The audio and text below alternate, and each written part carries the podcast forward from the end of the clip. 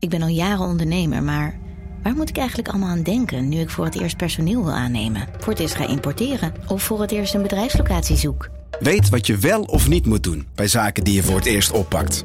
Check kvk.nl voor praktische stappenplannen. KVK, hou vast voor ondernemers.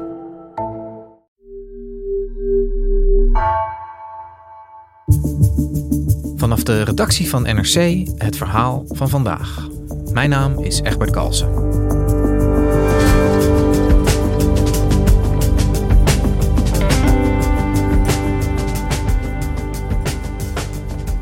Sinds Vladimir Poetin eind februari Oekraïne binnenviel, raakt Rusland steeds meer afgesloten van de rest van de wereld.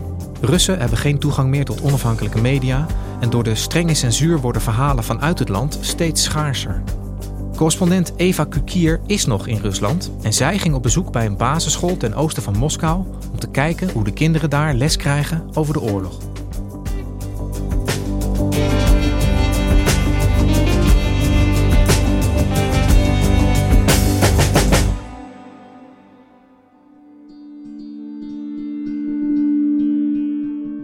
Ik was uh, van de week in de regio Vladimir. Dat is een grote regio in, ten oosten van Moskou. En daar was ik een klein plaatsje dat heet Sudokda. En daar ging ik kijken op een school, omdat ik heel benieuwd ben hoe ten eerste kinderen nu over Oekraïne leren en wat ze daarover te horen krijgen. En ten tweede omdat ik graag meer wil weten over het, ja, het patriotistische onderwijs wat in Rusland uh, nogal opmars maakt. Deze school was opgericht door vader Georgi. En die is uh, de priester van de lokale kerkgemeenschap en leidt ook de mis in de kerk. En we werden daar ontvangen door hem en zijn dochter Paulina, die eigenlijk ja, samen de school bestierden en, en, en de scepter daar zwaaiden. En we kregen daar de hele dag een rondleiding. Alle deuren gingen open. Ze waren heel erg blij met het bezoek van buitenlandse journalisten. We mochten bij alle lessen zijn. We praten met de kinderen, met de docenten. En daar werd ook het schoollied voor ons gezongen.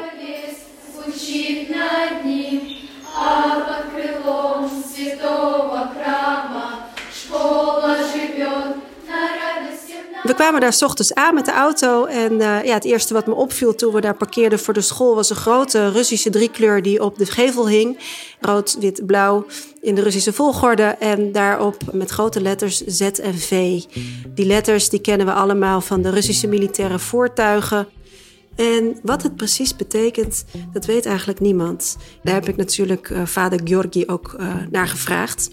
En wat hij mij vertelde, ja, was ook, hij moest een beetje lachen. En hij zei, ja, wij zeggen gewoon Zaveru. Dat de Z en de V dat betekenen. En dat betekent in het Russisch voor het geloof. Maar hij vertelde me van ja, we vonden dat een goed idee om die vlag daar zo te hangen. Want ja, je moet uh, in tijden van oorlog en uh, als je land wordt aangevallen, dan moet je één zijn en de staat steunen. En dit is ons teken van solidariteit. Ja, want uh, Eva, even voor het beeld. Wij krijgen hier in het, uh, in het Westen voornamelijk veel mee van hoe het in Oekraïne zelf eraan toe gaat. Hè, met heel veel Oekraïense bronnen en Westerse journalisten die daar aanwezig zijn. Wat wil jij laten zien met jouw reportage uit Rusland? Ik wil heel graag het Russische perspectief uh, laten zien. En dat perspectief, dat is eigenlijk een totaal parallele wereld. Het is echt om 180 graden tegenovergesteld wat de westerse media vertellen over de oorlog in Oekraïne, over de situatie daar als ik hier, en dat doe ik veel, ik praat zoveel mogelijk met gewone Russen die ik, en natuurlijk ook in de supermarkt en op straat en in, het, in, het, in de bus tegenkom. En je hebt veel kleine gesprekjes en heel veel gesprekken gaan automatisch, komen die uit op uh, de oorlog. Heel veel mensen beginnen daar zelf over. En dan vervolgens komen er toch uh, ja, absurde complottheorieën. En dat zijn bijvoorbeeld verhalen over over het Westen, die samen met, uh, met Oekraïne een oorlog voert tegen Rusland.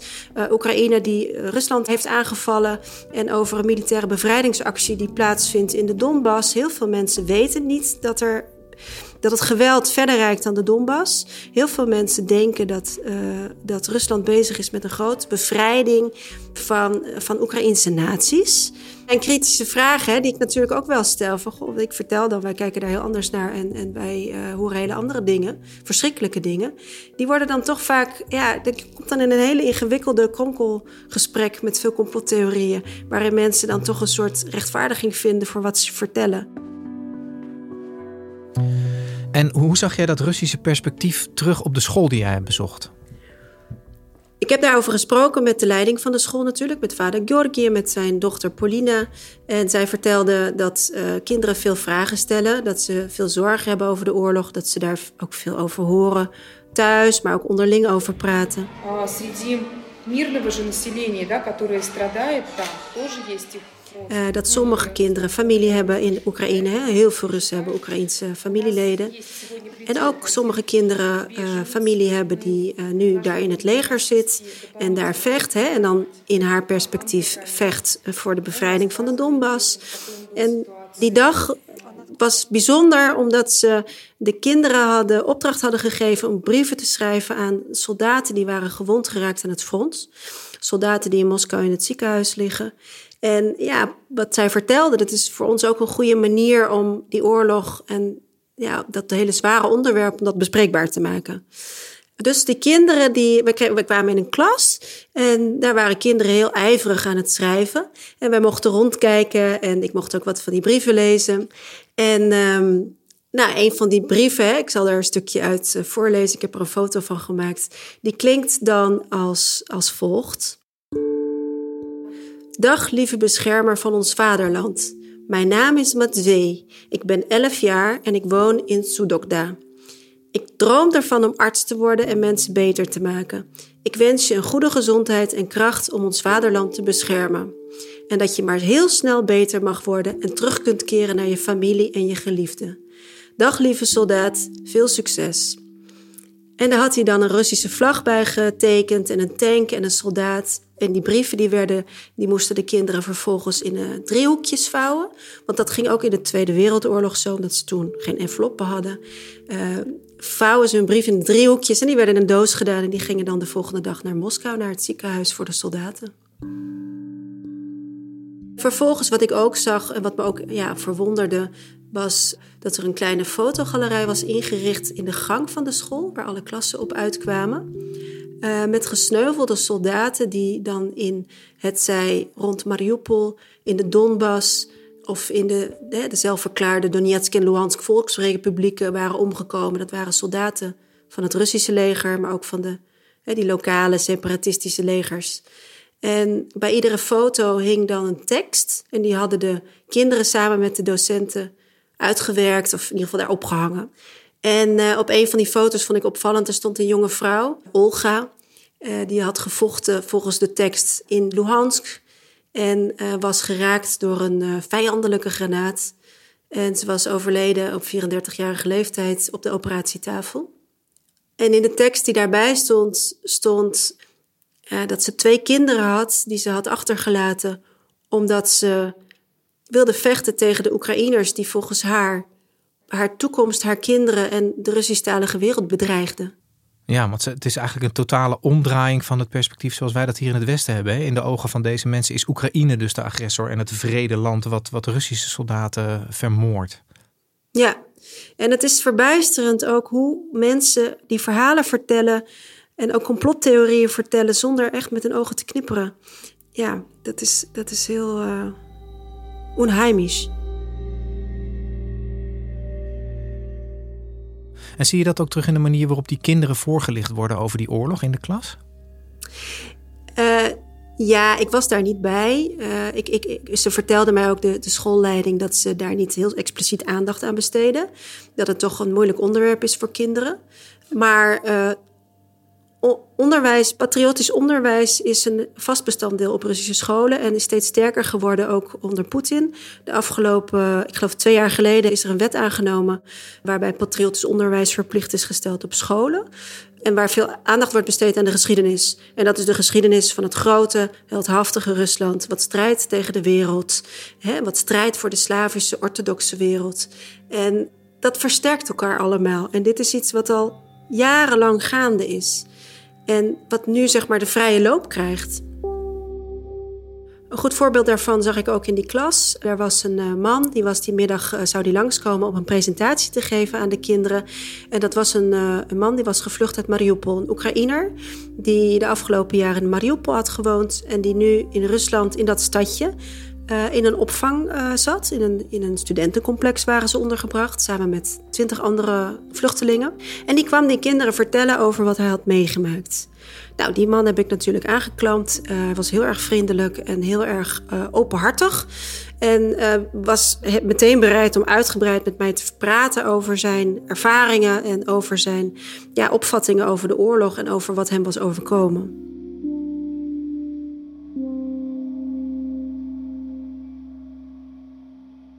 Ja, daar wil ik zo alles over horen. Misschien wel goed om heel even te zeggen: er zijn dus mensen uit Oekraïne gevlucht naar Rusland. Hoe zit dat? Weet jij dat? Ja, kijk, Europa wordt natuurlijk overspoeld door vluchtelingen uit Oekraïne, uit heel Oekraïne. Maar er zijn uh, tot nog toe, volgens zowel Oekraïnse als Russische bronnen, ongeveer een half miljoen mensen naar Rusland gevlucht.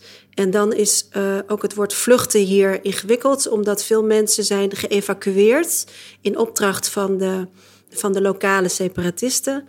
Uh, volgens Oekraïne worden deze vluchtelingen onder dwang naar Rusland gebracht. En zouden zij in speciale kampen worden ondergebracht, waar ze ook worden ondervraagd en worden onderzocht op pro-Oekraïnse kenmerken. Ook om mogelijke Oekraïnse soldaten te filteren. En er doen veel heftige verhalen over de, zijn daarover in omloop. Uh, die hoor je uiteraard in Rusland niet. In Rusland is het verhaal dat deze mensen met open armen uh, worden ontvangen, dat ze humanitaire hulp krijgen, dat ze.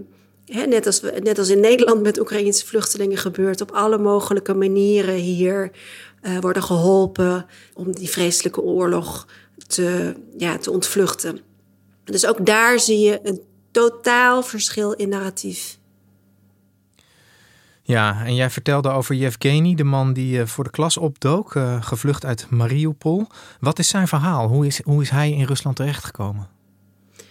Yevgeny was met zijn vrouw uit Mariupol, uh, heeft daar een aantal weken in een kelder gezeten toen de heftige gevechten losbarsten. De afgelopen maand hebben we gezien dat Mariupol ongeveer met de grond gelijk is gemaakt. Dat er ontzettend heftige verhalen vandaan komen. Die verhalen hoor je ook in Rusland, maar uiteraard opnieuw met een heel ander perspectief. Deze twee mensen die hadden daar een aantal weken in een kelder gezeten, samen met een groep eh, buurtbewoners. Zonder veel eten, zonder water, zonder eh, licht en elektriciteit en natuurlijk ook zonder internet. Dat is heel belangrijk, want mensen hebben gewoon wekenlang zijn ze totaal verstoken geweest van nieuws. Tot er volgens hem, dat was zijn verhaal, op een dag Tsjetsjenen op de deur klopte. En Tsjetsjense soldaten, hè, dat weten we, die vechten mee aan Russische zijde eh, tegen Oekraïne к нам зашли чеченцы, они там всех чем-то накормили, что-то дали. Так, всех, кого могли, вывезли. En die Tsjetsjenen, die kwamen die kelder in, die waren op zoek naar een sluipschutter. En toen ze die niet vonden, zeiden ze van, oh, nou, we gaan jullie helpen. En dat ze vervolgens hè, van Mariupol naar de Donetsk-regio zijn gebracht met een auto. En dat ze vanaf daar naar Rusland zijn gebracht.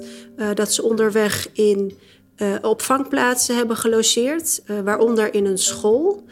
En waar ze dan een bed kregen en eten en warm eten. En dat ze daar goed werden behandeld en goed werden onthaald. En vervolgens zijn zij in Rusland gekomen. En uiteindelijk, en dat gebeurt eigenlijk met alle vluchtelingen en alle evacuees, worden ze in treinen vervolgens naar andere steden in Rusland gebracht. En dat is wat je hier ook he, over dagelijks leest. Alle Russische regio's zijn gemobiliseerd om de vluchtelingen uit Oekraïne op te vangen. En in een eerdere podcast vertelde jij al dat er met name in het oosten van Oekraïne veel mensen wonen die, eh, die pro-Russisch zijn, hè, vanwege familiebanden of omdat ze er zelf uh, vandaan komen. Steunt deze Yevgeny nou ook die Russische inval in Oekraïne? Ja, absoluut. Uh, hij was uitgesproken pro-Russisch, uitgesproken voorstander van Poetin. Ну, Путин, понимаете, он не один. Он все-таки выражает мнение массы людей. Вот Россия за Путина. Hij noemde dit uiteraard geen uh, invasie, maar een bevrijding. Uh, hij zei de, de Donbass wordt bevrijd, want, en die woorden gebruikte hij ook, We worden bedreigd door de nazi's uit Oekraïne, uh, door het Westen. En Rusland die is bezig ons ja, van die onderdrukking te redden. Uh, ну, вопрос, а чем это все закончится? То есть вообще будет ли государство Украина? Я сомневаюсь. Hij zei: Ik heb me nooit veilig gevoeld. Russisch-talige mensen worden onderdrukt. Het Westen is bezig met een oorlog tegen Rusland. En dat zei hij heel duidelijk ook. Poetin uh, heb ik alle vertrouwen in. En uh, we steunen de president. en ja, nogmaals, dat is, dat is heel ingewikkeld om zo'n verhaal te horen. Tegelijkertijd, uh, ik schrijf het op. En ik stel kritische vragen. En ik vind het belangrijk dat we dit perspectief horen. Want, want inderdaad, ik, ik ben ook aan de Oekraïnse kant van de grens geweest vlak voor de oorlog. Ik heb daar veel gereisd. En ook pro-Oekraïnse inwoners van de Donbass, er zijn er ook heel veel van, die zeiden: uh, Russische, pro-Russische sentimenten zijn hier heel erg sterk. En het zou ons niet verbazen dat mocht er een inval komen, dat was toen nog helemaal niet aan de orde. Um, tenminste, daar waren wel aanwijzingen voor, maar mensen hoopten dat het niet zou gebeuren. Als, er, als de Russen ons zullen aanvallen, dan zullen heel veel mensen de kant van Rusland kiezen. En, en dat blijkt ook maar wel uit, uit, uit wat die Yevgeny dan vertelt. Dat is, nou ja, je hebt het al een paar keer zelf gezegd, maar het is zo'n andere manier van naar het conflict kijken dan wij hier gewend zijn. Vraag jij je dan af, kan ik hem wel geloven? Kan hij vrij uitpraten? Is hij vooruitgeschoven? Hoe, hoe doe jij dat? Ja, natuurlijk vraag ik me af of ik hem kan geloven. Ze namen geen blad voor de mond. Ze voelden zich uh, totaal niet gedwongen. En ik had ook niet het gevoel dat ze een verhaal vertelden wat ze dachten dat ze moesten vertellen. En natuurlijk zijn er ook heel erg veel mensen die dit niet vinden. En die in Oekraïne verschrikkelijke verhalen vertellen. En dat is ook helemaal niet, uh, dat, dat, dat ontken ik absoluut niet. En ik, neem dat, ik lees dat en ik heb, heb daar heel veel zorgen over. Maar dit is het Russische perspectief. En ik denk dat, we dat, dat het heel belangrijk is dat we ons realiseren hoe sterk dat is. We moeten ook niet vergeten hoe klein de informatiewereld is geworden van Russen. Dat is de afgelopen jaren is dat al gaande. Dat steeds meer media uh, hun speelveld kwijtraken, dat steeds meer media worden gesloten, dat journalisten tot buitenlands agent worden verklaard. En nu de afgelopen twee maanden is dat in een totale uh, stroomversnelling gekomen. Door de afwezigheid van journalisten, het sluiten van onafhankelijke media. Maar ook, en dat is heel belangrijk, vanwege het sluiten en blokkeren van sociale media. En sociale media zijn in Rusland echt de levensader van de informatievoorziening. Russen halen, veel Russen halen hun informatie van Facebook, van Instagram, vooral van Instagram, van TikTok. En uh, die zijn voor een groot deel geblokkeerd door Rusland. Een aantal grote bedrijven zijn natuurlijk weggegaan hier. En daardoor is de informatievoorziening hier echt minimaal. En ik hoor dat ook voor mensen. Ze weten niet meer wat er gebeurt in het land. Ze weten niet wat er gebeurt in het buitenland. Ze kunnen niet meer goed met elkaar praten. Uh, daarbij critici zijn de mond gesnoerd. Dus dat is een heel belangrijke uh, ook, uh, factor om te begrijpen waarom die propaganda zo sterk is en zo effectief. Er is ontzettend veel tegenstrijdige informatie. Jij hebt vanaf het begin uh, van de oorlog besloten om, om juist om deze reden eigenlijk in, in Moskou te blijven, in Rusland te blijven, om die twee kanten uh, goed te kunnen beschrijven. Hoe is dat voor jou om in die twee werelden te leven en te werken?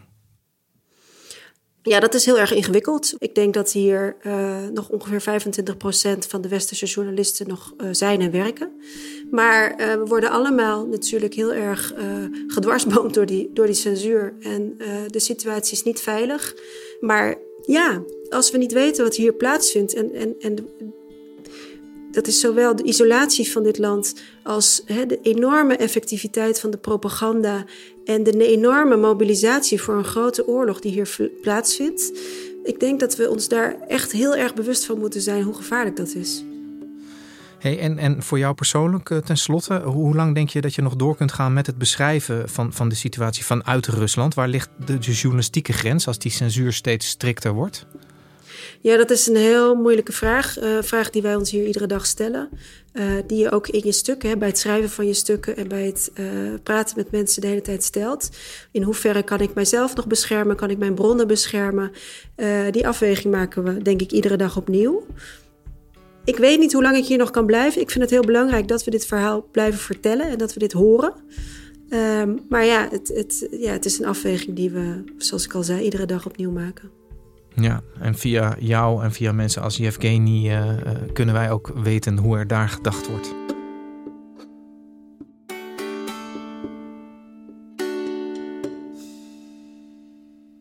Dankjewel Eva voor je verhaal. Dankjewel Egbert.